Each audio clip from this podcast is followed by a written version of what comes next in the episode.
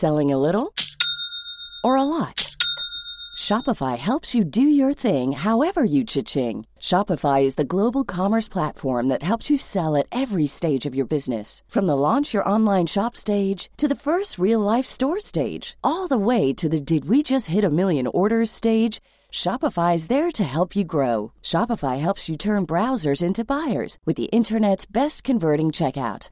36% better on average compared to other leading commerce platforms because businesses that grow grow with Shopify. Get a $1 per month trial period at shopify.com/work. shopify.com/work. Ryan Reynolds here from Mint Mobile. With the price of just about everything going up during inflation, we thought we'd bring our prices down. So to help us, we brought in a reverse auctioneer, which is apparently a thing. Mint Mobile unlimited premium wireless. Ready to get 30, 30, bit to get 30, bit to get 20, 20, 20, bit to get 20, 20, bit to get 15, 15, 15, 15 just 15 bucks a month. So, Give it a try at mintmobile.com slash switch. $45 upfront for three months plus taxes and fees. Promo rate for new customers for limited time. Unlimited more than 40 gigabytes per month. Slows. Full terms at mintmobile.com. A lot can happen in three years, like a chatbot may be your new best friend. But what won't change? Needing health insurance. United Healthcare Tri Term Medical Plans, underwritten by Golden Rule Insurance Company, offer flexible, budget friendly coverage that lasts nearly three years in some states. Learn more at uh1.com. Vi är denna vecka sponsrade av Indie Beauty. Och Sofie, det här tycker jag är extra fint och extra roligt. Ja men Indie Beauty är ju ett skönhetsvarumärke som jag tror att väldigt många känner till, men det jag älskar mest det är att Indie Beauty liksom vill vara mer än bara produkter, vilket de ju också är. Exakt. Indie Beauty står ju för Independent Beauty, skönhet på dina villkor och för din egen skull. Och Indie Beauty tror ju stenhårt på ett alternativt skönhetsideal fritt från måsten, skam och känslor av otillräcklighet. Där är jag helt med Indie Beauty. Jag med. Det är så jag vill att skönhet ska vara. Ja men verkligen. Och vet du vad som är nytt för i år Sofie? Berätta. Från och med i år så skänker Indie Beauty 1% av sin försäljning till Suicide Zero, Tjejzonen och Djurens Rätt. Så när man handlar produkter från Indie Beauty så kan man liksom känna att man också ger tillbaka till samhället. Ja, kraften i tillsammans. Ska jag säga en sak nu då, som jag, det, men det är detta jag är extra glad över.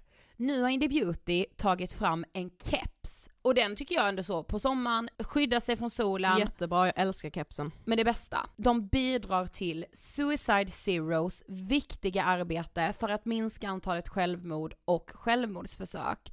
Så för varje såld keps så går hela vinsten, 100 kronor, direkt till Suicide Zero. Då kan man liksom göra nytta både för samhället och sin hud på en och samma gång. Ja, och kepsen kostar 169, men alltså hela vinsten går då som sagt till Suicide Zero. Mm. Så om man vill göra skillnad när man är där ute i solen, nu när den börjar titta fram, då ska man välja den här kepsen. Den säljs exklusivt på indiebeauty.se och på Apotea. Tillsammans kan vi skapa en ljusare framtid. Vi ses med kepsarna på! Tack Indie Beauty. Vi är sponsrade av Mindler och som ni säkert vet sedan tidigare så är vi ju ute på psykologresan tillsammans.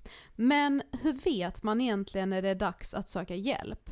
Ibland uppstår saker i livet som kommer utmana oss och kännas tufft. Det mesta självläker vi oss igenom, för vi är menade att ta oss igenom en viss mängd påfrestningar. Men ibland behöver man professionell hjälp för att ta sig ur jobbiga perioder i livet. Men vart går då gränsen? Vad är en del av livets skavighet och när är det läge att söka hjälp? Det sägs till exempel att stress är farligt, men att också kan vara bra. Alla sover dåligt ibland, så när har man egentligen sömnproblem? Ångesten kommer väl krypande för de flesta någon gång. Så när ska man se ångesten som outhärdlig? Hur vet jag? Med oss som psykolog har vi såklart min gamla psykolog Linnea Seidbrant. Men Linnea, vad är egentligen utmattningssyndrom? Utmattningssyndrom är en konsekvens av svår och långvarig stress utan möjlighet till återhämtning. Mm. Vi är ju då skapta för att klara av stress, men vi behöver också återhämtning. Om du utsätts för för mycket stress under en lång period utan att du får till den nödvändiga återhämtningen så kommer kroppen till slut att säga ifrån. Och det är faktiskt så att alla har en gräns. Du kan drabbas av en rad fysiska eller psykiska besvär som trötthet, sömnproblem, hjärtklappning, besvär från magen och tarmarna och mycket annat. Och det här är ju då varningssignaler och tecken på att du kan behöva göra någonting åt din situation.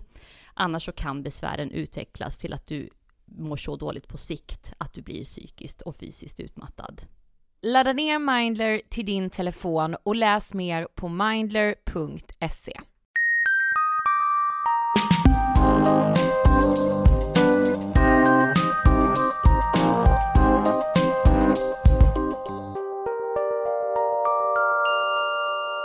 Hej allihopa och välkomna till avsnitt 351 av Ångestpodden. Då är jag spänd. Hallå!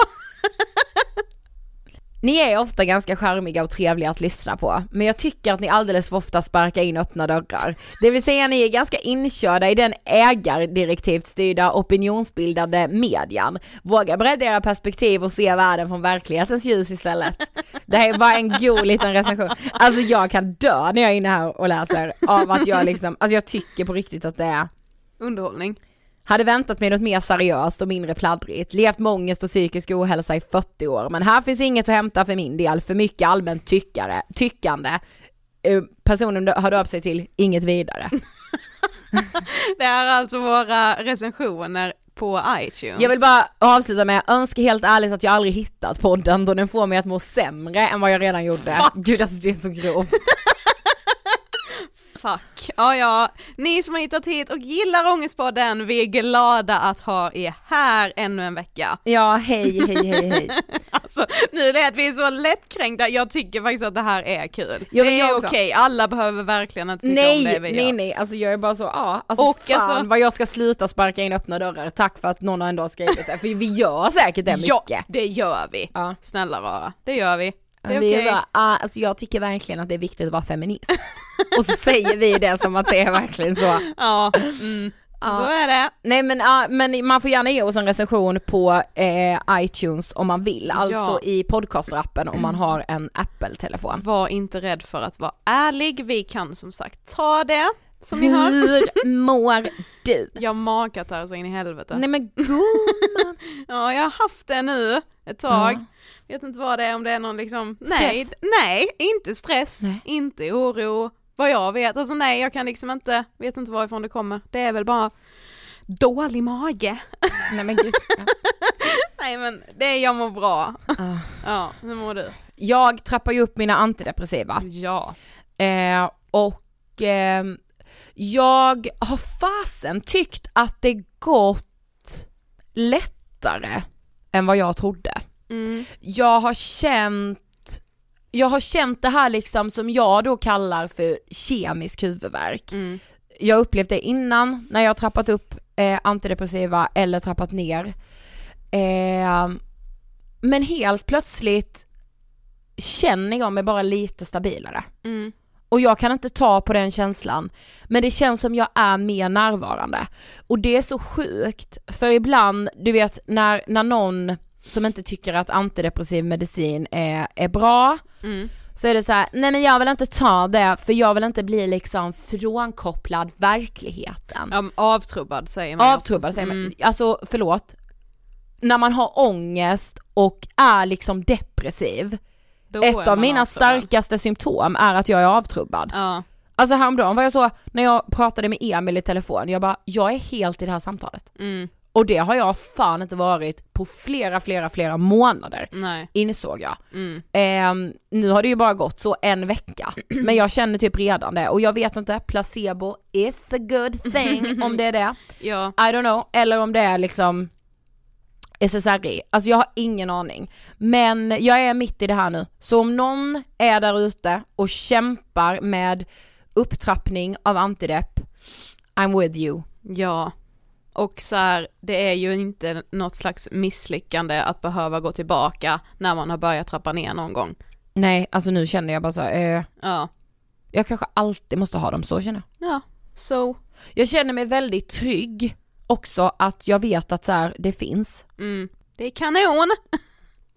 Tänk, alltså Sofie, ha, har personen som kom på SSRI fått Nobelpris? Gud jag vet inte. Ingen aning. Alltså nu när vi ändå är i Nobelpristider menar jag. Ja, Eh, jag, ska, borde inte det vara en sak jag googlar nu, Nobelpris Annars kommer någon skriva på iTunes, eh, de visste ju inte ens att bla bla bla. Arvid Carlsson visade redan på 1950-talet att ämnet dopamin spelar en avgörande roll i hjärnan. Upptäckten ledde till L-dopa mot Parkinsons sjukdom. Hans forskning ligger även till grund för dagens viktigaste läkemedel mot depressioner, SSRI-preparat. År 2000 fick han Nobelpris i medicin. Ändå 2000, det är liksom inte så länge sedan. Då lär ju inte han, levde han då eller? Det, alltså, eller, för man kan väl få det när man har dött också va? Jo men det kan man. Nej han dog 2018. Mhm. Så han var vid liv när han fick Nobelpriset i medicin. Otroligt! Ja, det ska han ha.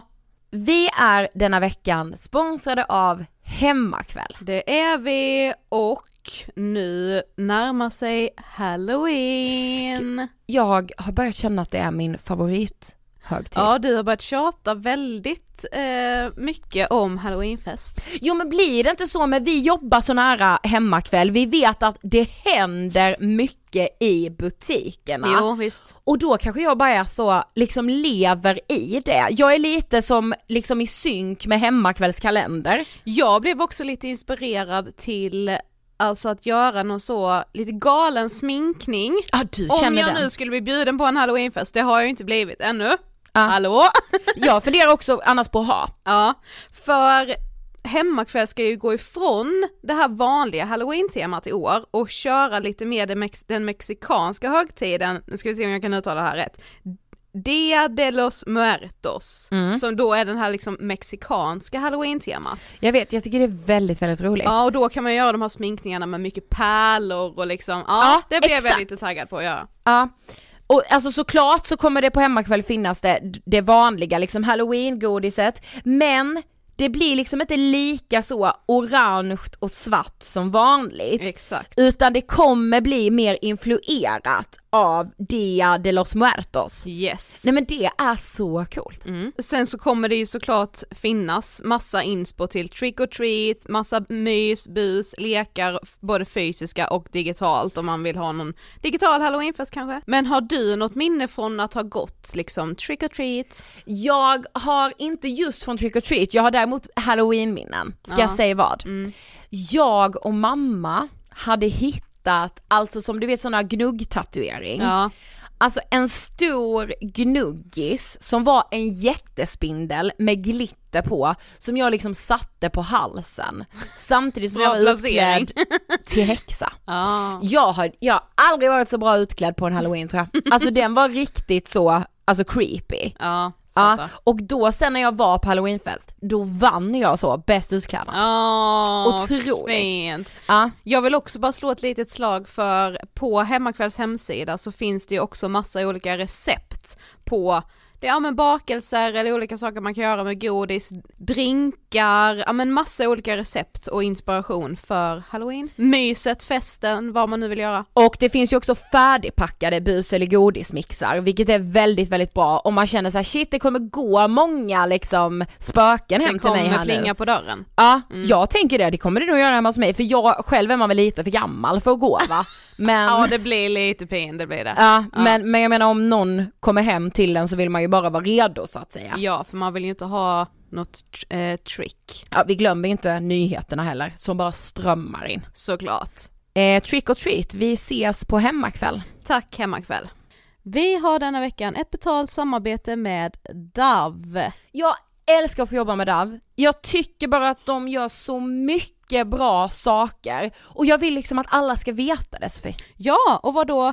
Det finns så mycket saker som jag liksom än idag, trots att jag väl ändå skulle anses vara en vuxen kvinna, eh, mycket som gör att jag blir påverkad och får dålig kroppsuppfattning. Ja, och självkänsla. Ja, precis. DAV driver ju DAV projekt självkänsla för att stärka unga tjejers självkänsla, kroppsuppfattning, Alltså jag tycker det är otroligt. Ja, och alltså som jag har sagt så många gånger tidigare, jag behöver det än idag och jag hade ju absolut behövt det när jag var yngre, alltså lite vägledning på något sätt till att få en bättre självkänsla och jag tror att hade man börjat tidigt med det, om jag bara går till mig själv, då hade jag fått en stadigare grund att stå på. Absolut, 100%. För den är ju väldigt skör idag. Ja. Dove samarbetar också med Tilia. Ja. Och jag tror att väldigt många känner till Tilia, men Tilia är ju en ideell organisation för ungas psykiska hälsa. Mm. Och det här samarbetet syftar till att arbeta förebyggande och stärka ungas självkänsla i skolan framförallt. Mm. Och Dove gör ju som sagt jättemycket bra saker för att lyfta på de här väldigt viktiga frågorna kring självkänsla, kring kroppsuppfattning och de vill ju att man ska få en positiv kroppssjälvkänsla. Det ordet har Dove lärt mig. Ja, mig också. Kroppssjälvkänsla. Ja, för det är ju liksom, det är en självkänsla i hur man känner sig som person och sen har man typ också en självkänsla kring kroppen. Tror du att sociala medier påverkar din kroppsuppfattning mycket? Det är jag ju helt övertygad om att det gör. Varje dag. Ja. Alltså varje dag så Ja, och vad då vi lever ju på ett helt annat sätt idag än vad vi gjorde tidigare, alltså jag kan ju tänka mig att så, för den lite äldre generationen så förstår de inte riktigt hur det är att leva i den här online-världen hela tiden, för för dem är det mer så här, ja men man har ett liv där och ett liv i verkligheten, men för oss och ännu mer för den yngre generationen så smälter ju allt samman. Och det är därför jag tänker att det är så otroligt viktigt att lyfta på det här ännu mer än vad man gör idag. Men den här guiden just kring positiv kroppssjälvkänsla kan laddas ner och rikta sig till unga mellan 8 och 14 år. Jag uppmanar dig som är förälder, dig som är lärare, som är ungdomsledare att göra det här. Två saker skulle jag vilja lyfta. Det är, du kan ta en så tar jag en. Det är liksom åt, som en liten åtgärdschecklista för hur man kan inleda ett samtal om kroppsuppfattning och sociala medier.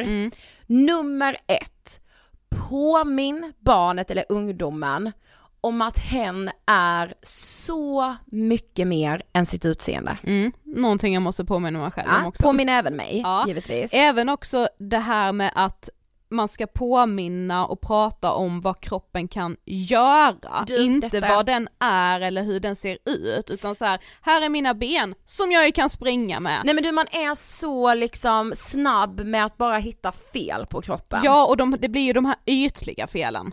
Ytliga felen citationstecken. Men du vet också då kanske att fråga sitt barn att så här.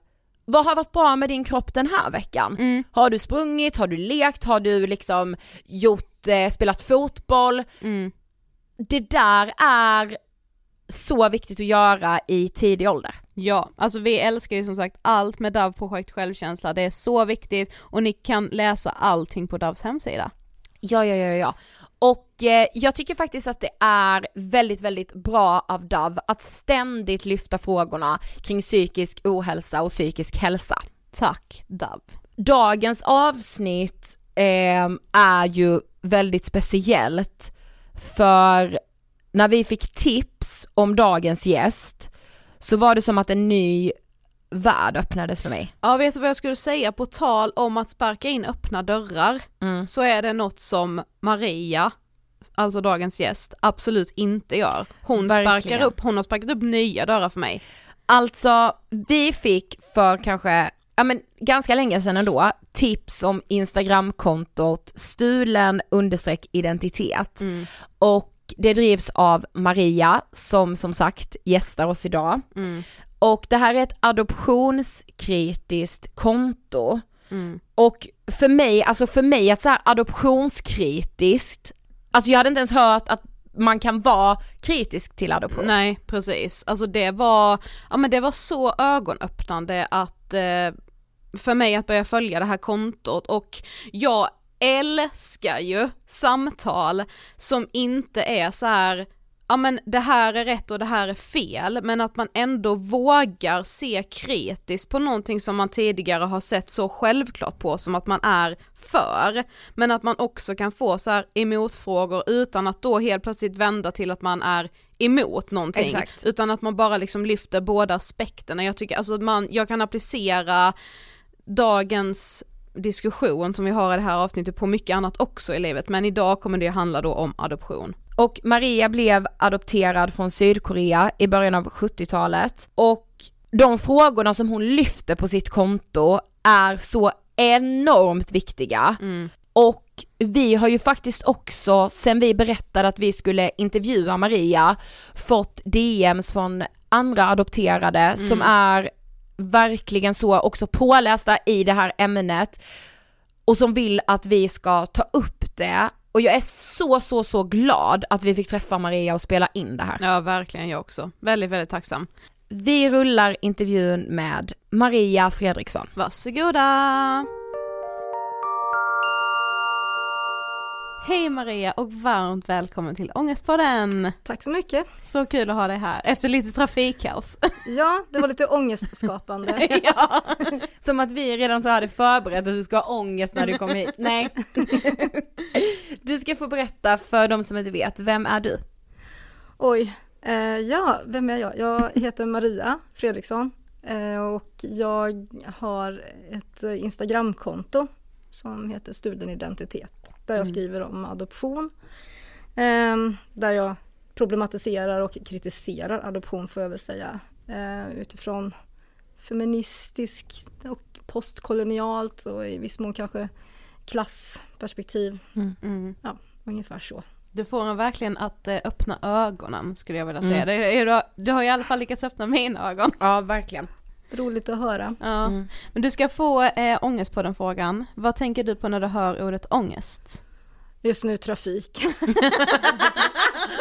Men eh, tid, Mm. Ja. tänker jag nog. När det är för mycket tid, när det är för lite tid.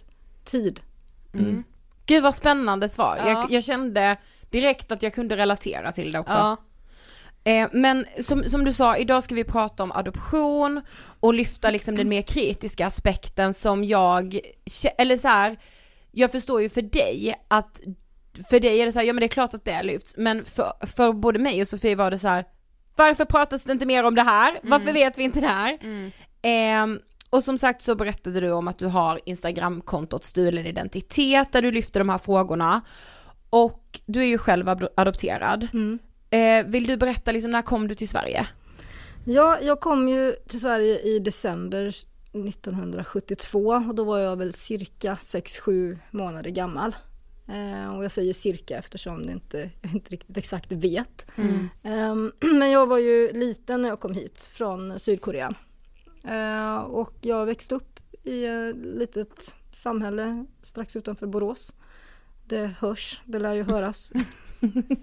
Ehm, så, syftar på min dialekt såklart. Um, ja, vad det gäller stulen identitet. eh, jag skulle vilja börja med att säga att det kontot startades ju inte av mig egentligen utan det startades ju av, som ett gästpostarkonto för adopterade. Då var tanken att det skulle vara ett separatist, separatistiskt eller separat forum för adopterade där eh, frågor och just endast adopterade skulle kunna posta. Ehm, så det var ett sådant in, initiativ som togs av bland annat Paula Dahlberg, Paula Okej. Dahlberg och eh, eh, Lisa Olim Sjöblom. Också, som också finns på eh, Instagram som Tjo Olim. Mm. Eh, men i alla fall så efter cirka 20 inlägg eller någonting tror jag var det som jag började posta just för att det var först då jag började begripa hur man gör rent tekniskt. Eh, och sen så blev det väl eh, successivt så att det var jag som postade bara. Så att Ja. sen dess så har det väl varit jag Mm. som postade. Men jag vill bara lyfta att Ja. det var så det gick till. Ja, så jag har inte valt namnet heller kan jag säga. nej. Eh, men det blev så pass etablerat så det fanns ingen anledning att ändra på det. Nej. Mm. Men när liksom fick du berättat för dig att du var adopterad eller när förstod du det liksom? Det var väl någon gång när jag var fyra, fem år, tittade mig i spegeln och konstaterade att jag inte ser ut som de andra i familjen. Och då dyker ju de, det är så för de flesta transracialt adopterade, det vill säga sådana som adopteras av personer som inte rasifieras på samma sätt som en själv. Ja. Det är transracial adoption. Jaha, okej ja. Så, och i de allra flesta fall, i Sverige i alla fall, så handlar det ju om att vita personer eh, adopterar icke-vita barn. Eh, och sen finns det naturligtvis undantag eh, och konstellationerna kan se annorlunda ut men i, just i Sverige så har väl det varit den vanligast förekommande konstellationen. Mm. Så, och då, då blir det ju alltså, då blir det ju inte en hemlighet som så. Nej. Att eh, man på något sätt avviker. Sen hur det har la- lagts fram kan ju skilja sig åt. Men de flesta adopterade som jag varit i kontakt med mm, säger samma sak. Alltså, ja men jag har alltid vetat. Liksom. Ja. Och så var det för dig med liksom. Ja det är så jag alltid har sagt också. Men det är som att jag alltid har vetat. Men det var ju i samband med att man träffade andra barn, man konstaterar liksom att man börjar få de här frågorna eh, och man tittar sig i spegeln och blir medveten om vem man, vem man är. Att den där i spegeln är ju jag Ja. och varför ser jag då inte ut som er? ja. Och då kommer ju förklaringen också. Mm. Precis. Kan du minnas liksom hur du kände kring det? Alltså kändes det bara som en så här, jaha okej då vet jag, eller kändes det konstigt? Det jag tyckte nog att det var, jag tyckte inte det kändes så märkligt för det är så det läggs fram Ja, tror jag för de flesta att det här är en sån självklarhet, det är så naturligt. Det problematiseras liksom inte och man får den här berättelsen och jag är kluven egentligen till om, alltså hur ska man, hur ärlig ska man vara med ovissheten för små barn? Jag kan förstå det dilemmat. Ja. Eh, Men jag blev väl precis som de flesta andra serverad den här berättelsen. Och det är den berättelsen som också står i de flestas papper. Så ja, men födelseort typ okänd. eh, Det saknas namn på mm, första föräldrar. Mm. Och sen så följer då adoptionsförmedlaren, den, alltså den koreanska adoptionsorganisationens eh, berättelse om det här barnet, om mig med andra ord. Liksom hur jag ser ut och hur jag beter mig och liksom hon är söt, hon äter bra. Alltså den typen av berättelse då för att Ja. de blivande adoptivföräldrarna ska få en bild av vad, vad det är de kommer att få ta emot. Ja. Mm. Jag tänker men när man tar emot ett barn som är så litet så finns det inte så mycket mer att säga än att ja, äter bra eller dåligt. Så, Jag antar alltså, det. Jag är inte speciellt, alltså jag, jag har ju inte barn själv och Nej. jag befinner mig inte liksom i småbarnskretsar så jag vet inte Nej. riktigt hur, hur man pratar om barn och sådär. Men ja, det är väl så. Mm. Men skulle du säga att det liksom på något sätt eh, målades upp en bild för dig att du borde vara tacksam som hade fått komma till Sverige? Att så här, åh du har fått en andra chans liksom. Ja, det gjorde det väl på sätt och vis även om inte mina föräldrar någonsin har varit liksom, explicita med att jag ska känna mig tacksam gentemot dem. Nej. Alltså, de har alltid varit väldigt tydliga med att det var vi som ville ha barn till varje pris. Ja. Eh, Just mina föräldrar har aldrig heller varit inne på det här med att det ska vara någon form av biståndsverksamhet eller att nå- någon humanitär gärning. Utan det var bara, vi vill ha barn, Ja. Ja. punkt. Liksom. Men samhällelig, alltså. Ja, alltså de fick ju i sin tur höra från omgivningen, alltså åh vad snälla ni är som har tagit emot det här barnet och vad fint av er att tagit Just. in det här främmande lilla barnet som då får en andra chans. ja, så andra såg på det som med det här bistånds liksom. Mm, Ja. Nej men absolut och det, det, det har väl liksom hela tiden kantat ens tillvaro känner jag. Mm. Att den här mer eller mindre mer eller mindre subtila påminnelser om vad, hur livet hade kunnat te sig om jag inte hade fått komma hit. Ja. Så Just, ja. även om inte man alltid sagt rakt ut du ska vara så tacksam så har det ändå funnits så här, ja men hur hade det varit om du inte fått komma hit då? Eh, så att oavsett vad det är man lyfter som kan tänkas eh, hänga ihop med adoption. Eh, om vi pratar om rasism eller utanförskap, eh, röttersök, vad det nu kan vara. Så kommer ofta de här kommentarerna. Och det är svårt att säga vad folk har för avsikt men det är så jag läser dem att det är en tyst liten förmaning eller påminnelse om att ja men är det ändå inte så att du ändå fått det lite bättre och är det ändå inte så att det är bättre att leva i nuet och framtiden än att gräva och du har ju ändå fått det väldigt bra så att eh, mm. lite, Lite så. förmodligen har du ju haft en jäkla tur. som Mm. fått komma hit liksom. Ja. Mm. gud, ja. Jag tänker med hur jag själv har sett på adoption innan jag liksom kom i kontakt med ditt konto eller liksom började sätta mig in mer. Det är nog så jag själv fasen, alltså så här, när jag har vuxit upp har det varit så åh vad fint att de så här, alltså, Mm. och det är så här, det är så jävla sjukt nu, nu känns det ju som att så här, ja nu vet jag ju mer, men liksom Mm. att vi i västvärlden har liksom den bilden så starkt inprintat att det skulle vara bara en god gärning, punkt. Ja eller den här eh, totala rätten att få barn. Just det. Mm. Alltså det är också en väldigt intressant aspekt som jag absolut aldrig heller har tänkt på innan jag kom in på ditt konto. Att så här, är det en mänsklig rättighet att skaffa barn till varje pris liksom? Mm. Alltså det är ju Jag tycker inte det är så konstigt att man har den här bilden av att vi som adopterade ska vara tacksamma. För om man tittar, på hur representationen av de länder som vi kommer ifrån sett ut Mm. så, så är det ju mest misär man Mm. sett. Jag kommer ihåg eh, i början och mitten av 80-talet där då i samband med Band Aid, Live Aid. Ja. Mm. Och hur man då framställer, alltså vilken bild hade jag av Etiopien exempelvis då? Varifrån det då adopterats många. Ja. Ehm, och jag tänker då den bilden som de Etiopien adopterade haft av sitt födelseland. Det, det kommer ju nästan uteslutande från mm, massmedia. Ja. Och det var svält. Det var fattigdom och det var svält. Punkt. Eh, och jag tänker på Korea, vad hade jag för bild av Korea? Ja, Koreakriget. Som förvisso då ägde rum under 50-talet. Men Ja. det var den bilden jag hade av Korea. Fattigdom, krigsdrabbat land, sönderbombat och så vidare. Så att det är väl inte så konstigt Nej. att man själv också känner att jo men jag har ju absolut fått det bättre och tänk om jag hade fått vara kvar. Det hade ju inte blivit bra. Och så tänker du i de här det här liksom, dikotomierna att liksom det bara finns det här att välja på. Antingen hade jag le- levat eh, som ett gatubarn där eller så har jag fått det så här materiellt sett åtminstone eh, fantastiskt. Mm. I jämförelse. Det finns bara de två vägarna att välja på så att säga. Ja. Eh, och att det skulle kunna finnas andra aspekter av välbefinnande. Eh, liksom att välstånd bara eh, ser ut på ett visst sätt. Mm. Det glömmer man någonstans av i det här. Exakt. Vad det gäller det här med rätten till barn är väl inte heller så underligt med tanke på att man pratar ju om ofrivillig barnlöshet i vårdtermer och då är du patient. Och om barnlöshet då klassas som någon form av sjukdomstillstånd då är det ju någonting som också ska botas. Mm. Och då innebär det ju att det finns en, någon form av botemedel, någon form av medicin. Ja, och det är ju att få ett barn. Hur botar vi barnlöshet? Jo, genom att man får ett barn. Och då blir ju barnanskaffandet så att säga en, en medicin. Ja, eller ett botemedel. Mm. Vem vill förneka någon medicin? Alltså, Mm, mm. Så det, det är inte heller så underligt att Nej. vi hamnar där. Att ja, men då måste jag ha rätt, för jag har rätt att må bra. Jag kan inte må bra om jag inte får ett barn. Så då ska man inte förneka mig ett barn, för då förnekar man rätten, mig rätten att må bra. Mm. Ja.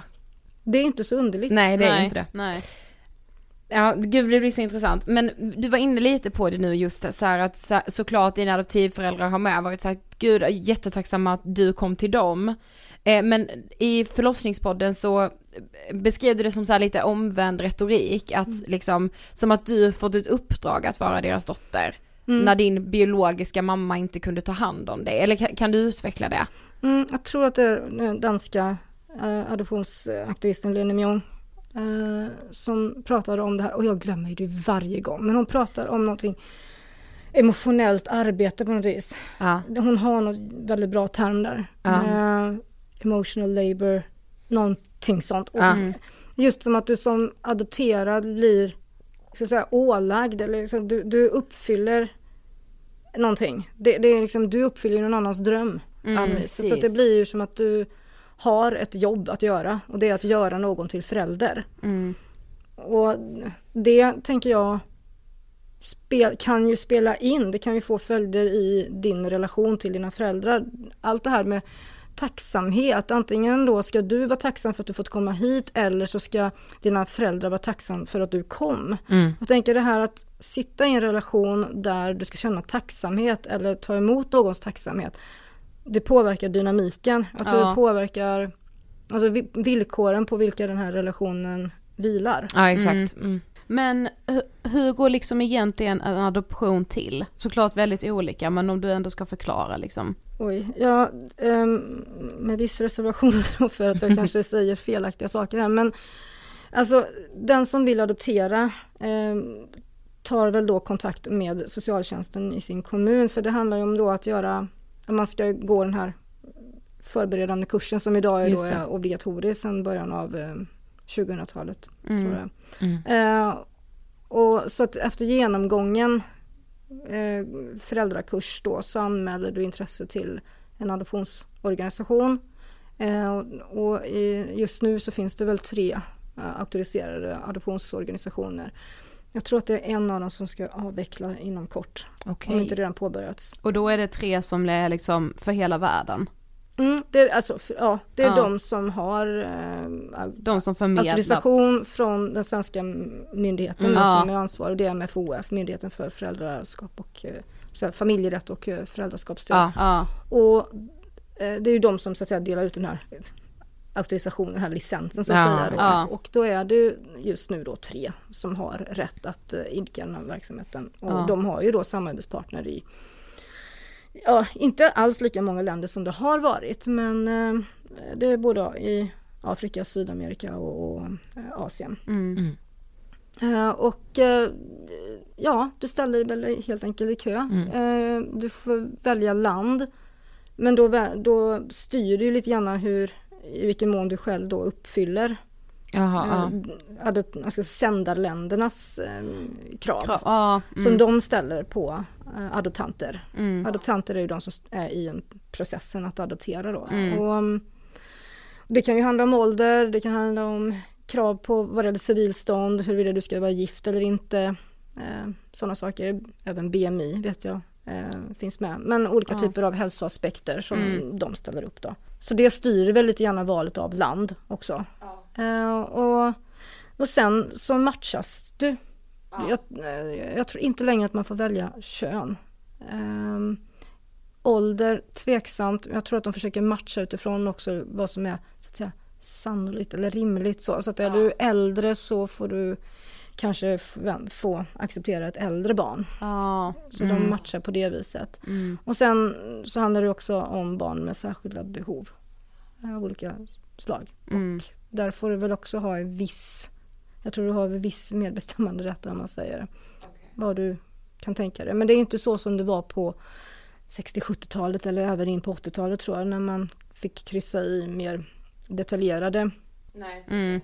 eh, listor så att säga. Och jag har ju sett mina föräldrars, alltså jag har ju sett mina Ja, egen, min egen Ja, alltså jag har ju alltid haft tillgång till, min, eh, till mina adoptionsdokument. Så ehm, ja, ja. Så jag ser, jag ser ju, jag, har ju postat den några gånger, Ja, eh, den närbilden. Och jag tycker den- det är ju både illustrativt och förskräckligt. Ja. Eh, Men där de då kunde välja om de ville ha en så kallad helkorean eller en mixad. Och så står det då inom parentes att man vill bara uppmärksamma på att eh, det inte finns några vitkoreaner kvar. Utan det finns endast, och sen så står det här ja det är liksom ops, ops. Ja, alltså jag har hört från adopterare att liknande papper ska ha funnits, eh, åtminstone då när man adopterar från, jag tror det var Colombia. Mm. man kunde mm, kryssa i och då, jag tror att förklaringen har varit att de papperna har kommit från den colombianska eh, adoptionsförmedlingen, att de vill veta vad man kan tänka sig. Så det är inte något som nödvändigtvis har utgått ifrån svenskt håll. nej. Men 2014 så gjorde ju du en resa till Korea och besökte den adoptionsförmedlingen, eller kliniken, eller vad, vad man säger, som förmedlade dig till Sverige. Men alltså vad hände där? Ja, alltså jag åkte ju då, alltså apropå ångest då, men det var ju, jag drabbades av en form av medelålderskris och fick plötsligt för mig att jag skulle resa till det här landet som jag alltid eh, avstått från att eh, resa till. Eh, och som jag aktivt, eh, har visat aktivt ointresse för.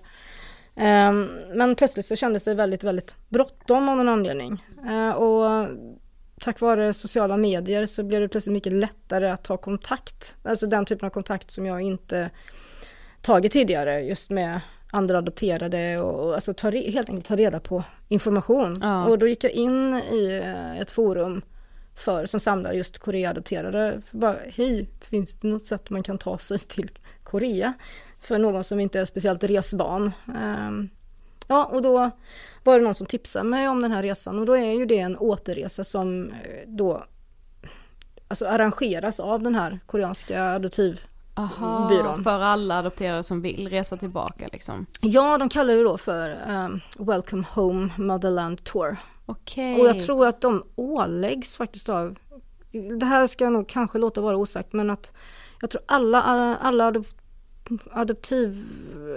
adoptionsförmedlare i Korea anordnar sådana här resor Mm. varje år. Eh, vilket säger ju en hel del om hur systematiserat det faktiskt är. Ja. Men i alla fall då jag anmälde mig till den här och då var det så att det var en veckas eh, vistelse och då betalade de allting. Och det var det jag också tyckte, ja men vad bra, det är en gruppresa, eh, billigt, förhållandevis billigt då eftersom jag bara betalar flygbiljetten dit. Ja. Och längre än så tänkte faktiskt inte jag utan för mig var det bara ett smidigt, snabbt sätt att ta sig dit på då. Mm. Eh, och då var vi väl en 15 eh, vuxna koreaadopterade från eh, lite olika länder men de allra flesta av oss var från eh, Sverige. Och vi hämtades upp på flygplatsen. Vi fick bo första natten på eh, deras ad- adoptionsorganisationens eh, eget guesthouse som de har för att hysa blivande adoptivföräldrar men också adopterade på eh, återresor på privata återresor. Och sen så inkvarterades vi då på eh, Novotel Gangnam, femstjärnigt hotell eh, i samma stadsdel och Gangnam känner ju de flesta till idag tack vare den här låten. Gangnam Gangnam style. style. Ja. Exakt, och det är ju verkligen, alltså det, idag är ju det en, en av de rikaste eh, stadsdelarna då i Seoul. Ja. Det är just det här Gangnam style, the, som style of the rich and famous. Ja, som, precis.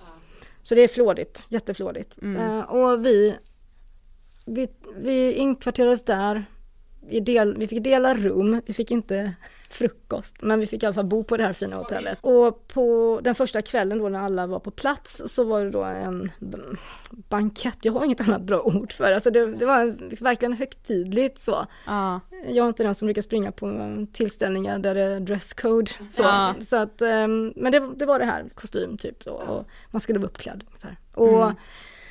och då var ju representanter för adoptionsorganisationen där. Eh, någon äldre herre som presenterades som allas vår far. Ehm, han var väl någon form av grundare eller dylikt, högsta hönset Ja. under många, många, många år. Eh, och eh, vi hade också våra universitetsstudenter som skulle fungera som våra guider och de hade också planerat resan. Alltså de olika aktiviteterna som, som vi skulle delta i då. Mm. Eh, Och det gjorde de som någon form av extracurricular activity. Så någon form av, det var meriterande på något vis. Detta Mm. att de deltog i det här programmet då. Så det var eh, våra buddies, det var vi adopterade då eh, och så organisationen. Men så var det också press där. Så det var ju fotografer och journalister. Okej. Så vi var uppställda där och det fotades och. Det var jag nog inte beredd på kan jag Nej. säga. Det, det, och det var så mycket, vi hade precis landat i det här landet som jag liksom hade sån diffus bild av. Så Ja. jag var så överväldigad av allt så. Men ehm, mm. Men åkte du dit med någon slags förhoppning om något svar på någonting eller var det mer bara såhär, nej men nu känner jag att jag vill åka dit, alltså Det var nog mer bara jag vill åka. Jag vill bara se hur det ser ut. Ja. Så jag hade inga förhoppningar egentligen om att hitta någonting eftersom det står i mina papper att det inte finns någonting att hitta. Ja. Så jag hade absolut inte några förhoppningar på det viset. Däremot en kanske en svag eh, tanke kring att vad kul det hade varit om, om jag hade kunnat få reda på någonting. Men jag visste liksom att det är kört. Ja. Det, det var den, det har jag levat med liksom sen jag var pytteliten att det går inte att få reda på någonting. Så jag hade väl någonstans lärt mig att vila i det. Men jag hade ändå tag- tagit med mig mina dokument. Mm. För att jag visste att en programpunkt var just att vi skulle få möjlighet att titta på våra papper.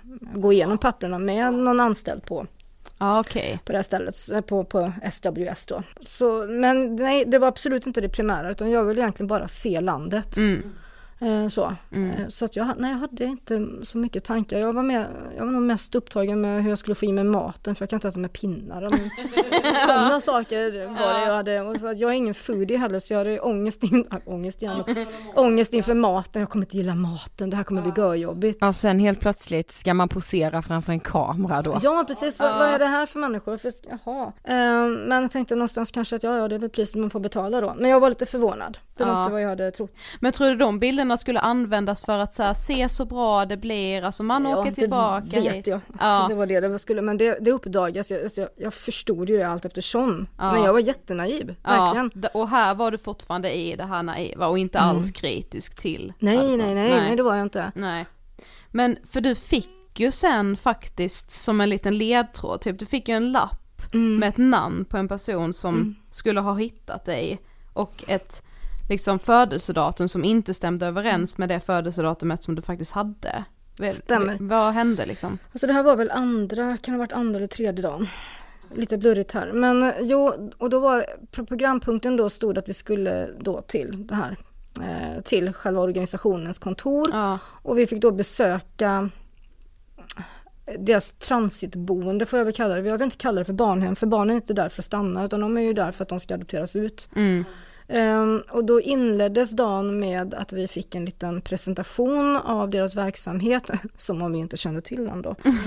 Ehm, och alltså huset, eh, på huset så hänger färgglada pastelliga banderoller med bebisar och unga kvinnor. Alltså det, det är ganska bisarrt ja. jag tänker på det. Och då var inte våra buddies med heller, Nej. utan det var ju bara vi adopterade den här, den här morgonen.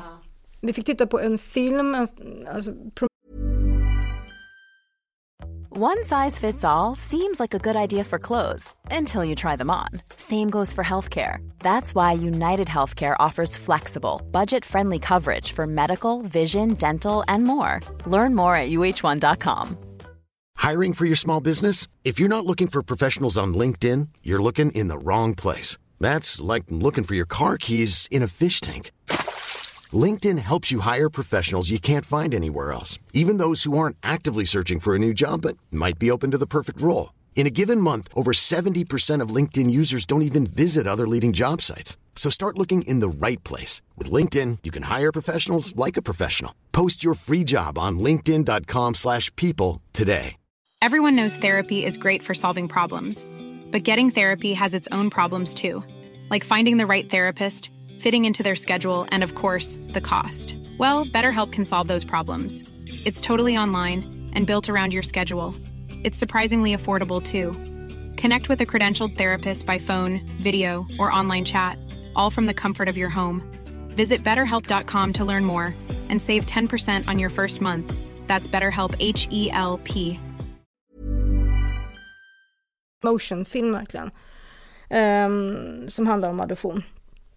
Med en eh, berättarröst som då på, på obruten amerikansk engelska förklarar då vad, vad SWS eh, arbetar med. Och därefter så fick vi då möjlighet att prata med en, eh, med en anställd om våra papper. Jag var väl typ först ut för jag tror att de, vi fick liksom turas om där så att säga. Mm. Och jag satt väl med den här kvinnan i eh, kanske någon 20 minuter, en halvtimme vad det nu kan ha varit. Vi tittade på papper. Hon tog fram min mapp som hon hade och jag hade med mig min. Jag jämförde och det var i stort sett samma papper vi hade. Ja. Eh, Men sen så såg jag då det här lilla pappret och det var liksom en, ja, i A5-format. Eh, Ett tunt litet gammalt papper och jag frågade vad är det? För det papper känner jag inte igen. Nej. Och hon bara, nej men det, jaha. Alltså jag uppfattade henne som ganska undvikande på något vis, att hon var inte så engagerad i det hela överhuvudtaget. Och jag, så, men kan jag få det pappret? Kan du förklara vad som står på pappret? För det var ju skrivet på koreanska. Ja. ja nej men det är från ditt barnhem. Ja, jo men vad står det? Alltså jag fick liksom dra ur henne det som stod. Hon bara, nej men det är från ditt barnhem i Busan, för jag är då född i Busan. Och det är en stad som ligger på sydkusten. Nej och, jaha, ja, men vad står det? Ja nej men de, det är det pappret de har skrivit till oss då, alltså organisationen, där, de ber oss fixa en adoption för dig. Jaha, okej. Så här är du. Och så pekar hon på eh, en ruta då i, på den här lilla, det är ju en blankett. Och så, jaha, är det jag? Det var flera barn där. Ja men där är du. Och så, men det är inte, Jag såg att det var mitt namn. Ja. För jag har lärt, ja, jag vet ju hur mitt koreanska namn ser ut. Ja. Eftersom jag har tatuerat det på armen. Mm. Eh, I alla fall, så säger jag, men det är inte mitt datum. Hon bara, eh, jo, nej men jag fyller inte år då. Det är inte mitt datum, det stämmer ju inte. Är det verkligen jag? Ja. ja men jag är ju inte född det datumet, det blir ju konstigt. Mm, ja. Och liksom, jag fick liksom ingen reaktion från henne. Nej. Jag bara, okej men, jaha, kan jag få det här pappret? Nej, nej, vi måste ha det. Men kan du ta en kopia då? Alltså det var så omständligt och trögt och segt så att det liknar ju ingenting.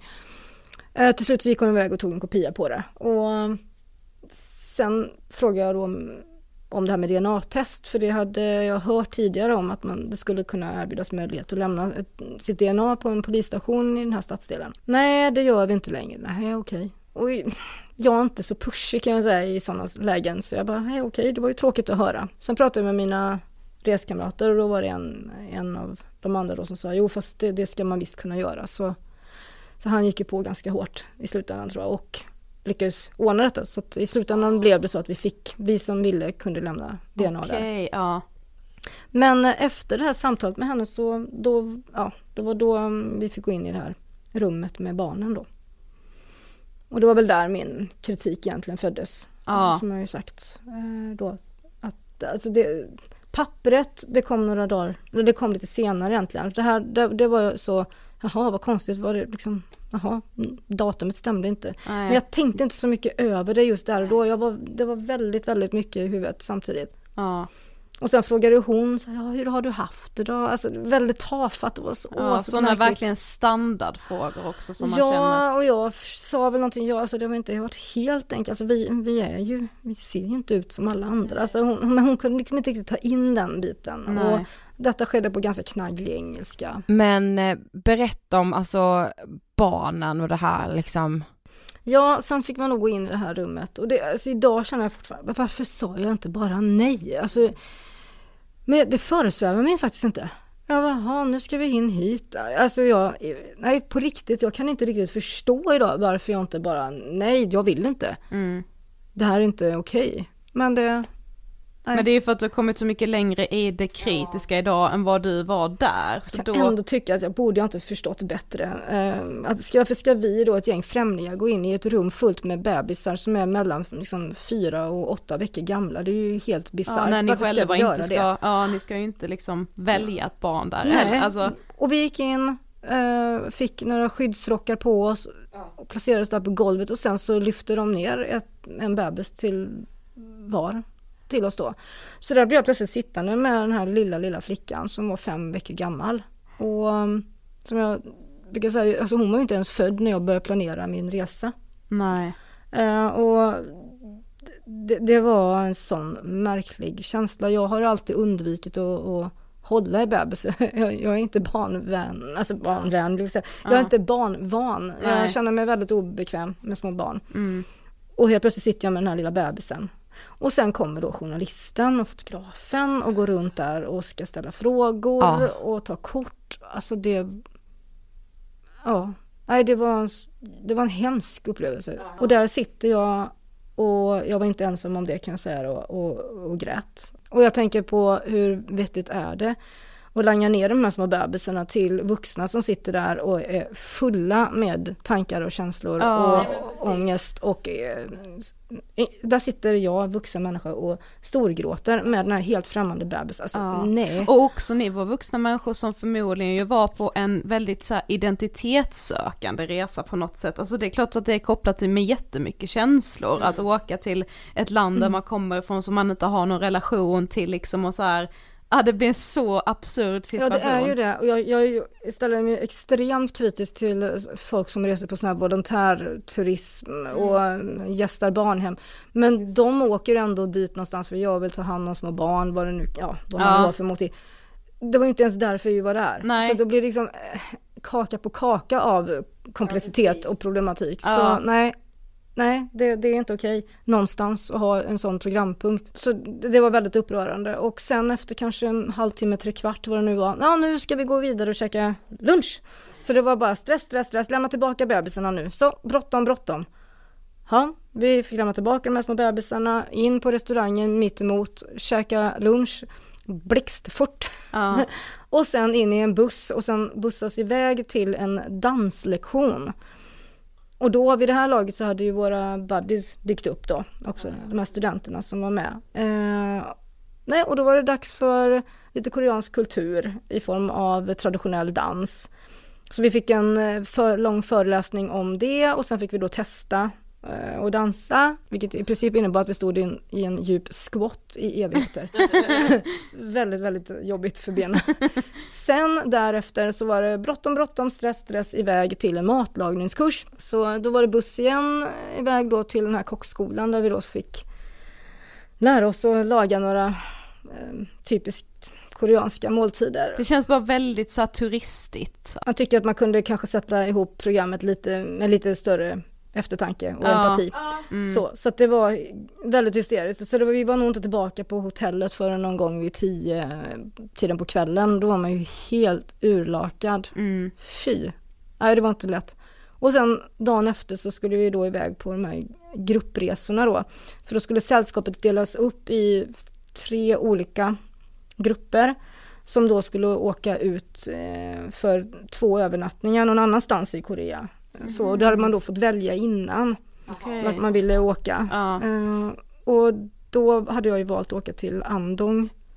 Och det är en stad i, alltså i ett område som är känt just för att ha bevarat mycket av liksom det, det traditionellt koreanska. Ja. Det, de har museer och, som visar liksom traditionell papperstillverkning, eh, emaljering, utbildnings, alltså utbildningsrelaterad eh, museer. Mm. Eh, en gammal skola exempelvis fick vi åka och besöka. ehm, och även ett mat och dryckmuseum. Så det var liksom jätte, alltså det var spännande, det var jätteintressant men som sagt det var eh, verkligen späckat Ja. schema. Man hann liksom inte tänka efter någonstans. Och sen bodde vi då på, vi bodde i sån här folk village, alltså bevarat Sokoma by tror jag det var. Mm. Eh, så där vi då fick bo i traditionellt, traditionella rum typ. Så, så vi sov på golvet, alltså det var, det var kul och mysigt liksom att ha upplevt det. Så.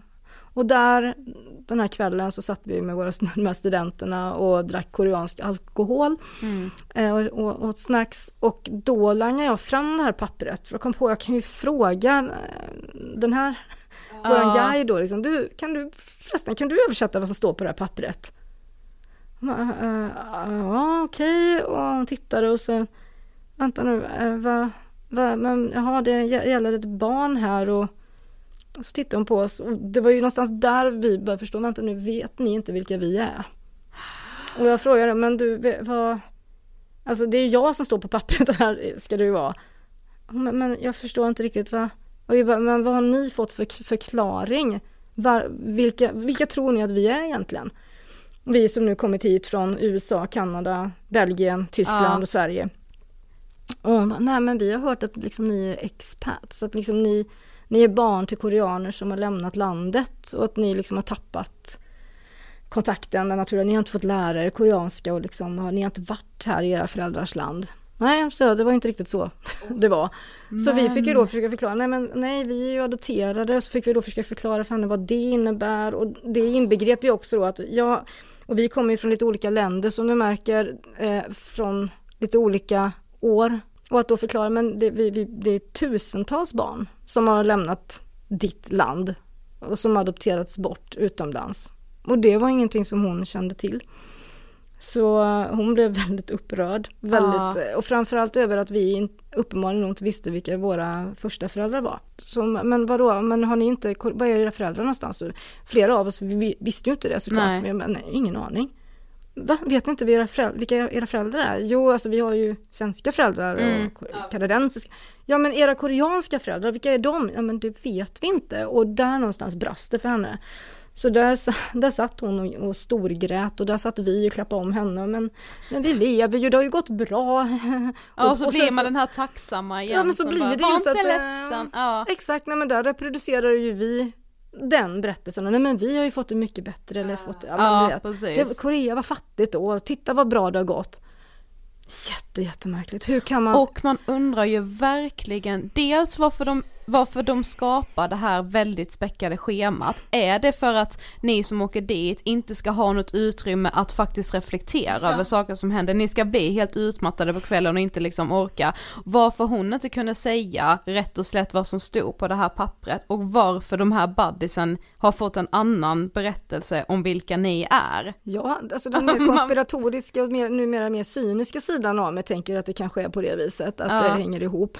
Sen tror jag faktiskt också att det att syftet är gott på något plan också. Man vill packa in så mycket som möjligt mm. eh, under den här korta tiden så att vi verkligen får se så mycket som möjligt. Det, så tänker jag också. Eh, men eh, jag men man flera... blir lite konspiratorisk faktiskt. Ja det blir man definitivt. Och så ja. tänker jag då att sista kvällen då på avslutningsbanketten som också var pompa och ståt, ja. precis som välkomstmiddagen. Eh, då fick vi också fylla i någon form av då utvärdering och då var det flera av oss som skrev att det hade kanske varit bra med något mindre späckat schema den där dagen då vi besöker ja. eh, verksamheten. Eh, hade jag fått skriva detta idag eh, så hade jag skrivit eh, vänligen slopa det. Naturligtvis hade jag skrivit det. Eh, och jag tror också att om, antingen som, om jag skrev det där och då eller att jag mejlade senare att ni kanske ska upplysa eh, guiderna om vilka vi är. Ja, precis. Och jag tror att de har skrivit in det som en punkt. Jag har sett vid i alla fall något program att de har skrivit in det och jag tror också att de har glesat ut lite mm. i programmet. Ja. Men vad exakt var det det står på lappen? Mm, på lappen, detta fick jag egentligen inte reda på jag fick inte reda på så mycket mer där och då. Det, det, blev ju inte alltså hennes, hon var inte riktigt i In the mood. In the mood nej. Men jag, när jag kom hem så började jag ju mejla.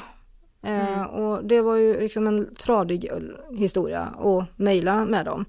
Men jag fick till slut eh, de skannade ett papper och sen så gjorde de också en översättning så jag fick då till slut den här engelska versionen. Och där står då eh, en adress, att liksom, det här barnet hittades Eh, på den adressen utanför och så står det då en, ja, dörren till och så står det då en person.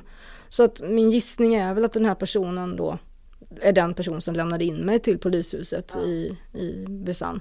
Ja. Uh, och det är väl det jag tänker att hade jag haft det här pappret med mig från första början så hade jag ju kanske kunnat hitta den här personen. Ja, För precis. grejen är att många gånger är det faktiskt någon som har anknytning till första föräldrarna. Det är ja. inte nödvändigtvis bara främlingar på stan som har hittat en unge undanstoppad någonstans. Det hade faktiskt kunnat vara en släkting. Det är jag väl väldigt ledsen över att det pappret inte fanns med bland de andra papperna som fanns med. För jag fick ändå med mig allt. Och varför gjorde det inte det? Man undrar ju varför. Det är det jag också undrar, för det, det var det pappret, det enda pappret som innehöll någon form av eh, ledtråd. Liksom. Ledtråd ja, och det var det pappret som fick hela min adoption i rullning. Utan ja. det pappret så hade jag ju inte suttit här. Nej. Och därför kan jag verkligen undra varför just det pappret inte följde med. Det, så det, det, den, ja det är klart att jag kan bli lite konspiratorisk efter allt jag så att säga, varit med om sen, det, sen dess. Ja. Eh, men framförallt är jag väldigt ledsen över att jag inte hade det pappret från början för jag har ju liksom vuxit upp med tanken att det inte går att hitta någonting. Det finns ingen information att gå på, det är ingen idé. Mm. Och därför har jag alltid sagt, jag, jag vill inte åka tillbaka, jag vill inte rota, jag vill inte leta, för det finns ingenting. Varför ska jag lägga pengar och tid på det? Ja, precis. Och då, 42 år gammal, få reda på att det fanns ett papper. Hade jag då åkt ner, kanske övertalat mina föräldrar redan som tonåring. Ja, för jag menar alltså historien om, om dina första dagar i livet hade innan dess bara varit, vi vet ingenting. Mm. Mm. Men om du då liksom ska på något sätt försöka sammanfatta, vad är det liksom du är kritisk mot eh, när det gäller adoption?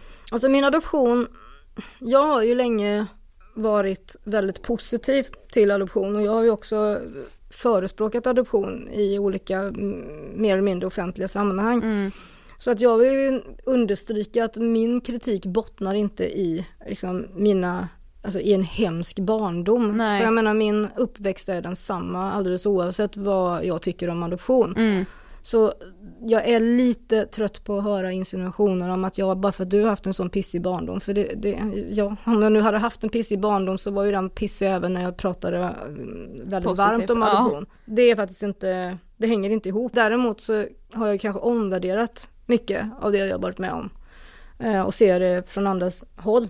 Men för mig handlar det här om politik. Det är ett politiskt och principiellt ställningstagande helt enkelt. Jag har genom åren även gjort en, alltså en ideologisk vandring kan man säga. Mm. Uh, och, så för mig handlar det om principer. Det handlar om feminism.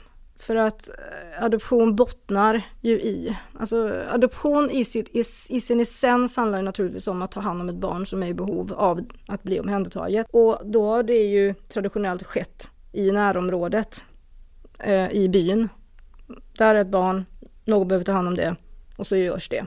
det har inte handlat om juridiska papper, alltså juridiska dokument, advokater och jurister och allt vad det nu kan vara. Det, det har inte funnits och framförallt har man inte skeppat barn över halva jordklotet.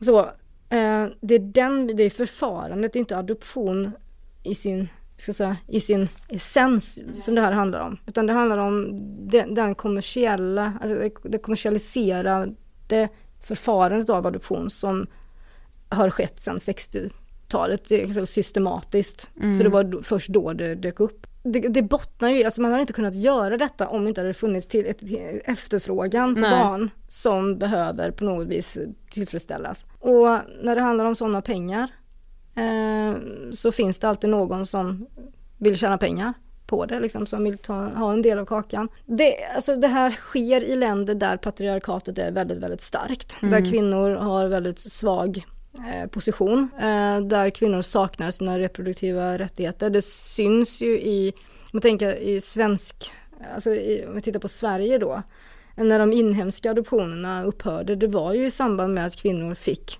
eh, fick tillgång till pre preventivmedel, p-piller ja. framförallt, eh, fri abort. Eh, men också alltså att stigmatiseringen av ogifta mödrar mm. eh, avtog. Eh, och därmed också kunde kvinnor få liksom, ekonomiska möjligheter att uh, välja om de vill behålla sitt barn eller inte. Mm. I den mån de ens valt att föda barnet. Ja. Så, och så ser det ju inte ut i de länder varifrån vi adopterar. Uh, och därför anser jag att det handlar, det handlar om feminism. Mm. Men vem är det som tjänar pengar på en adoption? Det gör ju förmedlingarna skulle jag vilja påstå. Alltså de, det är ju arbetstillfällen, de jobbar ju med det här. Mm. Alltså ja, de, de säger att de, det är ideella föreningar som inte drivs av vinster men det är som med friskolor i sådana fall om man ska dra en parallell. Det ska inte heller handla om vinster men folk jobbar ju med det, folk lever ju på det. Ja. Folk vill väl ha sina jobb kvar. Mm. Det är väl inte så underligt om man nu vill det. För det är aldrig så att den biologiska föräldern får några pengar för, Nej, första för sitt barn? Nej, om vi tittar på till exempel hur det, eh, de här, de så kallade oetiska, rent illegala fallen då. Mm. Eh, exempelvis det som tas upp i dokumentären Barn till varje pris. Om de korrupta adoptionerna från Thailand på 70-talet. Och där den lokala eh, Adoptionscentrums lokala eh, medarbetare mm. då valt att inte samarbeta med just en specifik person eh, som ägnar sig åt adoptionsförmedling på plats. Eh, men där handlar det då om ett, ett barnhem som också var ett, ett daghem eh, och där föräldrar lämnat in sina barn för barnpassning helt enkelt. Ja. Men där de, när de då inte kunde betala räkningen, då adopterade eh, föreståndaren bort de här barnen. Eh, och de pengarna, det finns ju på kamera när de intervjuar, ja, eh, där de erkänner att eh, nej men det, de behövde, de pengarna som adoptivföräldrarna betalade gick till att täcka de här fakturorna. Ja. Och sen så tänker jag på det här fallet då som jag brukar skriva om. Eh, i spår, inte, jo spårlöst förlåt. Mm. Då ifrån Korea. Där då den här flickan eh, föds för tidigt, hamnar i kuvös. Och då föds hon på ett sjukhus men flyttas sen till ett annat sjukhus för att då ligga i kuvös första tiden. Och när föräldrarna sen kommer för att hämta henne så presenteras de för en, eh, inför en, en faktura som de inte kan betala. Sjukhuset erbjuder sig att efterskänka skulden mot att sjukhuset får anordna en adoption. Och det är alltså adoptionsförmedlingen som äger sjukhuset. Ja. Alltså det, så det är väl klart att det finns någon form av systematik och jag tycker att det är uppseendeväckande att spårlöst slutar, det avsnittet slutar med just den, de uppgifterna. Ja. Och, sen är det liksom slut. Jag sitter där, men vänta nu här, borde inte Kalla fakta ta vid här? Eller? Ja, precis. Så, eh, och det tyder ju också på att det finns en viss rutin i det hela, känner jag. Jag tycker det, det, det, det är väl lite smått talande för. Och ja, vi frågade faktiskt eh, jag tror det var en av mina reskamrater som frågade en av de anställda på SWS när vi var på resan. Och så, Ja. var, varför kostar det så mycket att adoptera från Korea? För Ja. det kostar ju flera hundratusen. Mm. Och då hänvisade de till Adoptionscentrum som är ju en av deras äldsta samarbetspartner. Ja. Eh, Adoptionscentrum har ju, alltså Sverige, alltså i stort sett alla som adopteras från Sydkorea kommer via SWS. Eh, och Adoptionscentrum eh, tog väl så att säga över adoptionsverksamheten i Sverige från Socialstyrelsen eh, i slutet av 70-talet. Och de har ju samarbetat med SWS sedan dess. Så mm, ja, Det är de här olika förmedlingarna kan man säga som menar att de, det är de, det är dit pengarna går. Ja, alltså tittar man på vad det kostar, frågar man om vad det kostar, de redovisar eh, som pengarna, men jag tror att det kan vara lite svårt att följa pengarna varje krona. Alltså, Ja. ehm, om man tittar på Sydkorea då, eh, och när, de red, när eh, Adoptionscentrum redovisar kostnaderna för ja, utläggen i utlandet så står det lite olika för olika länder men just i Sydkoreas fall så är det en, en enda utläggspost och den står på, jag tror det står eh, vård, eller sjukvård. Okej. Och det är en väldigt, den, den siffran eh, överträffar alla de belopp som är för andra, de andra Ja. länderna och där, Mm. där det står också mer specificerat som eh, utlägg för löner, utlägg för eh, administration, Ja. lalala. men, men för Sydkorea så är det en enda post, så där samlas allting. Jag Mm. säger inte att det nödvändigtvis betyder att det är någonting oegentligt. Det, jag säger bara att det är lite svårt att följa Ja, pengarna. det är lite luddigt liksom. Mm. Mm. Men jag tänker också, alltså så här, det som du har berättat för oss nu kring pengabiten, allt det här, det pratar man ju liksom aldrig om när man pratar om adoption. Utan det blir ju att man hamnar i diskussionerna kring att, åh men det är så fint, eller alltså att det är något jättebra. Vad, vad tänker du kring det, att diskussionen inte kommer längre? Nej men alltså det är så fult att prata om pengar. Alltså och att, att säga, att erkänna för sig själv, "Ja, men jag är köpt. Det är väl ingen som vill. Nej. Ehm, så det, det motståndet finns ju i allra högsta grad även bland oss adopterade. Så, och det är väl klart att det tar emot så här, men mina föräldrar köpte mig. Ehm, men på något plan kan jag inte komma ifrån att det på något vis det handlar om handel. Alltså det, alltså, det här som jag brukar skriva då, så, men pengar alltså, byter händer och barn byter länder. Mm. Det är inte jag som hittat på det förut. Jag, jag hörde Lena Kim heter hon väl. Hon är med i en av de här eh, två SVT-dokumentärerna som ligger ute på Youtube.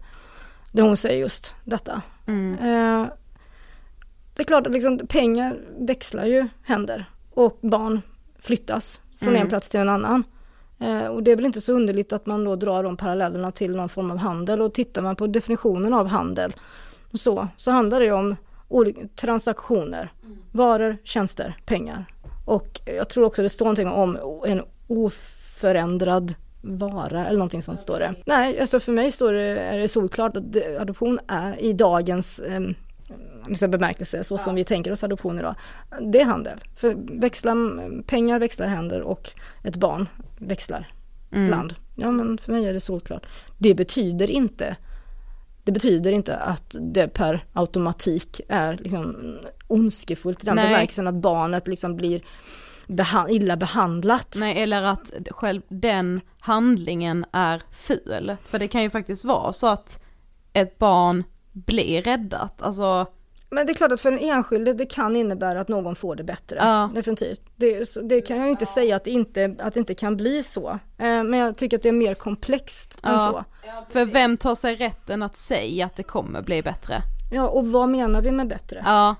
Och på vems bekostnad? Ja för de man liksom inte heller pratar så jättemycket om det är ju alla de här biologiska föräldrarna. Jag brukar kalla dem första föräldrar för jag tycker det är så Ja. tråkigt att säga just biologiska för det för mig handlar det om att det, det reducerar eh, det reducerar våra första föräldrar till någon form av bara könscell. Ja, i en viss bemärkelse är de ju naturligtvis också eh, riktiga föräldrar. Alltså Ja. just det här att mina, jag har bara en, ett, en uppsättning riktiga föräldrar. Alltså var och en får kalla liksom, sina, upp, sina uppsättningar föräldrar för vad de vill såklart. Men jag vill bara förklara varför jag tänker så här. Ja. Och jag har också i alla år sagt att jag har bara e- ett par riktiga föräldrar och det är de som har adopterat mig.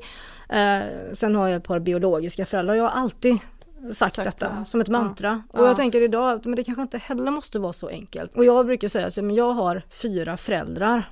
Kvaliteten på deras föräldraskap det, det överlåter jag åt adjektiven att ta hand om. Ja. Så, eh, men föräldrar är föräldrar, Mm. som tänker jag. Mm. Så, nu är Men- jag ju språklärare också så jag kanske snöar in på det semantiska grammatiska här. Men... Jo men om man tänker då på alla de föräldrarna som på något sätt har fått förklarat för sig att ditt barn kommer få det bättre någon annanstans. Alltså ni kommer inte kunna ta hand om det här barnet. Man undrar ju också hur många föräldrar som har liksom blivit, ja men liksom, Övertalade. ja precis, övertalade Och det är väl det som också framkommer, framkommer i artikeln i DN när de intervjuar de här kvinnorna från Sydkorea. Ja. För menar, som sagt Sydkorea, det finns ingen ursäkt för Sydkorea att adoptera bort sina barn längre, allvarligt talat. Det är ett av världens rikaste länder. Ja, Ehm, och det som de här kvinnorna berättar i, i den här intervjun är ju just detta, att den här så kallade rådgivningen som erbjöds, ehm, en kvart samtal, en kvart samtal där de får höra att du förstör ditt barns och ditt liv om du behåller det här barnet. mm, Eh, Och samtidigt så hovar då, vem det nu är som hovar in detta, men samtidigt så lägger någon på andra sidan jordklotet ut närmare 400 000 för att få det här barnet. mm. Det, ja, Men om vi frågar dig så här, är du emot all adoption? Nej, jag är inte emot att barn får, eh, barn som är i behov av att bli omhändertagna, blir det. Så det, det, det kommer jag aldrig säga att jag är emot, men jag är emot det här förfarandet. För jag menar att det är alldeles för riskabelt. Eh, risken för att eh, både första föräldrar och barn råkar illa ut, eller att det hanteras på ett oetiskt sätt, är allt för stor. Ja. Eh, för att vi pratar om vi pratar om en verksamhet, en lukrativ verksamhet, en resursstark eh, efterfrågestyrd verksamhet i länder där demokratin många gånger är väldigt svag, där kvinnors eh, rättigheter inte respekteras, där korruptionen är hög, där eh, resursfördelningen i landet, landet är, är ojämn. Så riskerna är så stora och det är ju också någonting som har påtalats i de rapporter som har gjorts, som har, som har skrivits om adoption. Att, och det är därför också som adoptionsorganisationerna eh, åläggs, jag vet inte, det, det är inte så att det händer någonting om de underlåter det, men annars så ska de, de ska ha eh, en policy för hur de eh, jobbar mot, förebygger just korruption. Det är ju MFOF liksom som, som säger det, det, det ska de ha formulerat. Så det säger ju en del om att det finns ändå en medvetenhet om att det finns en stor risk och det har även kritiserats just det här att eh, adoptionsorganisationer bedriver biståndsverksamhet i samma länder eh, för att det kan påverka dynamiken. Liksom. Det är ju såklart väldigt individuellt men vi tänker ändå så här. Vad skulle du säga att det kan uppstå för sorts behov hos en adopterad som man kanske inte tillgodoser i Sverige idag? Alltså någonting som man kanske vill ha ut från sin liksom, ja men från sina papper eller ja, jag vet inte, det kan vara vad som helst men finns det något politiskt som man skulle kunna påverka politikerna idag som skulle göra det bättre Alltså, kring adoption? Med tanke på att Sverige är ett av världens eh, mesta adoptionsländer. Utifrån det, alltså äldsta och mesta adoptionsländer, eller adoptivlän- adoptivländer, så är det anmärkningsvärt att det fortfarande saknas stöd.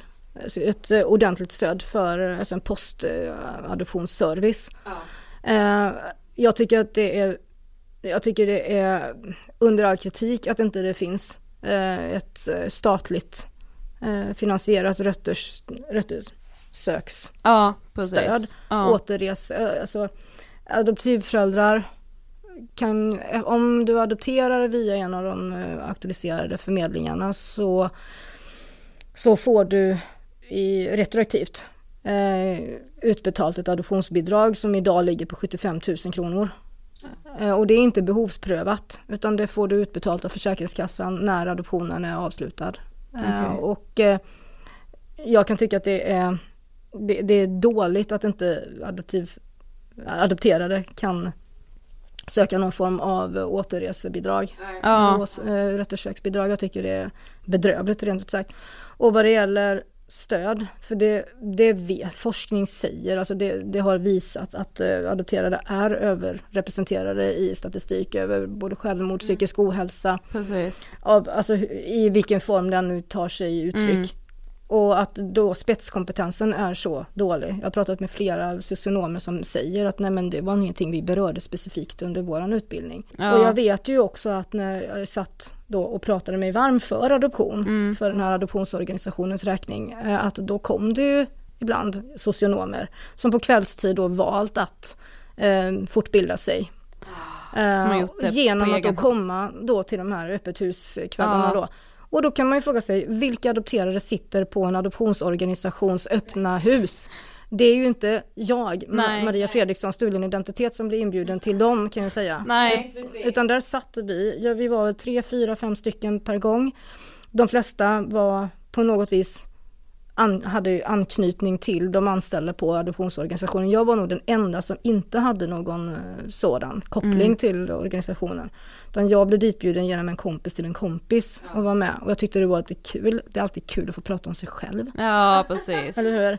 Ja. Guld och gröna skogar, Ja men verkligen så. Nej, Ja. men du blir också väldigt, väldigt omhuldad, väldigt varmt mottagen när Ja. du sitter på, i ett sånt sammanhang. Såklart. Och det är roligt att få prata om Mm. sig själv. Jag tror många har lite grann det draget Ja. ändå, att få så mycket uppmärksamhet. Och särskilt kanske för någonting som man då har haft tyckt var lite svårt att hantera. Och att då den här olikheten som du kanske ofta upplevt då, att plötsligt den blir så väldigt eh, liksom, Ja, det blir fokuserad. fördel och liksom, ja. Då, då känns det lite fint att få sitta där och med de här vänliga leenden och så vidare. Absolut.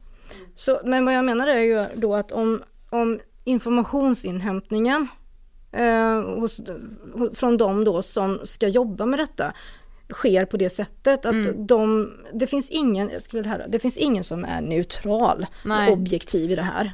Eh, det ska ingen liksom tro. Jag är det definitivt inte och jag var det inte då heller. Det vill jag understryka.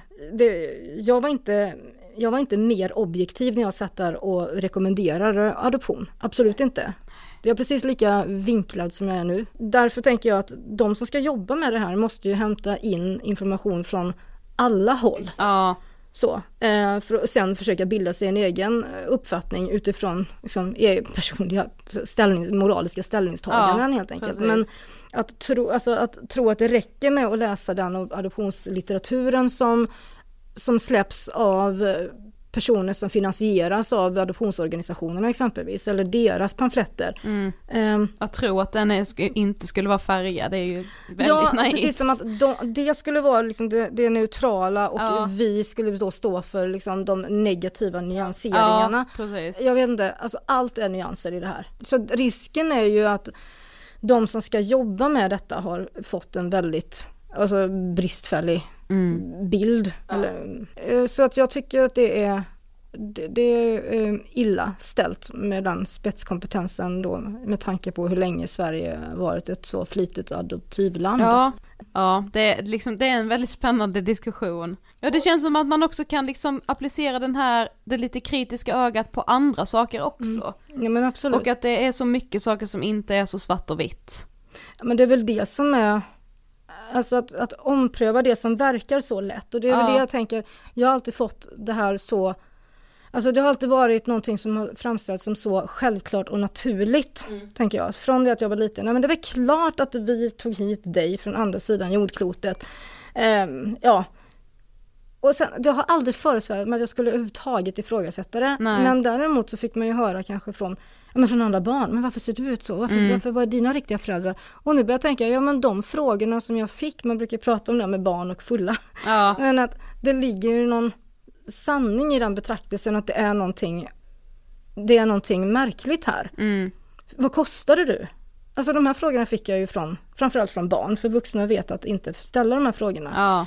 Men nu tänker man, men det är ju rimliga frågor. Ja, egentligen. Det är ju Det de är här faktiskt helt rimligt. ärliga frågorna. Alltså, Och då tänker jag om, om, om det nu är en verksamhet som är så god och så bra på alla sätt och vis, då tål den väl också att granskas lite i sömmarna. exakt. Om den inte gör det, då kanske det inte heller är någonting som ska ske. Då är det inte helt rent mjöl i påsen. Okej, nu ska du få sista frågan. Vad inspirerar dig? Press. Alltså det, det är precis som att jag bara måste. Mm. På något vis. Jag, det ger mig naturligtvis jättemycket att få gensvar. Det ska jag väl inte sticka under stol med, det är jätteroligt. Men det är väl också därför jag försöker vara ganska anonym. För jag Mm. vill inte att det ska bli så mycket fokus på mig. Jag skriver ganska lite eh, privat egentligen. Eh, För jag försöker hålla borta det, lite för att inte bara kunna avfärdas med ja, ja, det är för att du sitter och är ledsen över de här grejerna. Mm. Utan jag tar upp det, när jag skriver om personliga saker så tar jag upp sånt som jag vet att jag inte är ensam om. Ja. Som jag vet är illustrativt för eh, det som jag skriver om. Mm. Eh, men jag, jag, det är jätte, jätteroligt att få, få feedback. Jag tycker också att det är väldigt kul att få frågor. Alltså jag, folk skriver ibland så, "Åh, jag- förlåt att jag frågar om det, här." men jag tycker det är jättebra. Alltså Mm. jag är ju lärare, jag tror att det är väl det som är grejen. Det, det är nog mitt lär, alltså min lärarroll Ja. i mångt och mycket. Jag tycker det är kul att undervisa och det här är också en form av undervisning. Ja, verkligen. Ja du, det är vi tacksamma för. Ja, tack så jättemycket för att du ville gästa Ja, Ångestpodden. tusen tack att jag fick komma. Tack. Tack. Jag tänker mycket på det här med att liksom inte ens få känna sig hemma i sitt eget hem. Mm. Och jag tänker också mycket på att, alltså jag kan faktiskt, ja men och det var också någonting som jag reagerade på när jag började följa stulen identitet på Instagram, att så här, hur kan den här diskussionen inte ha förts redan väldigt mycket i media? Det har ju gjort det lite grann, men det Mm. har ju också tystats ner otroligt mycket. Ja vi pratar ju bland annat om den här DN, eh, den uppmärksammade artikelserien som DN gjorde. Mm. Uppdrag granskning har ju även de släppt en serie, De stulna barnen. Mm. Men alltså när Maria berättar om den här resan hon får göra tillbaka, alltså eh, då fick jag panik. Det blir ju Seriöst. så konstig, eh, alltså den här liksom sälj, säljiga känslan Ja, kring allt det här det som jag aldrig har tänkt på tidigare. Nej jag vet, jag vet. Och bara, ja, det, ja man får liksom en, en lustig känsla i kroppen.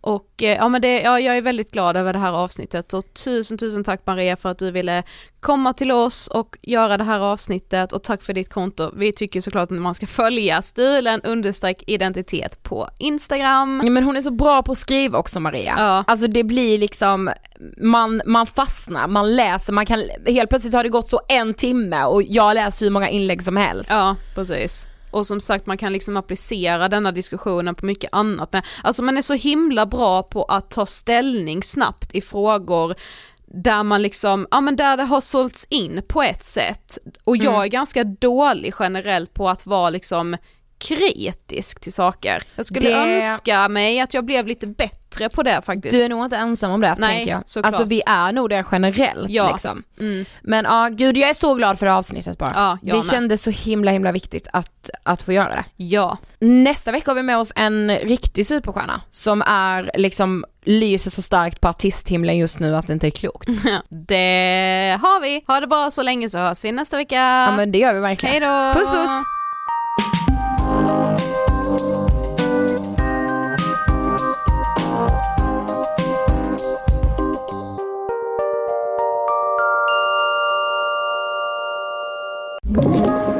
Podplay.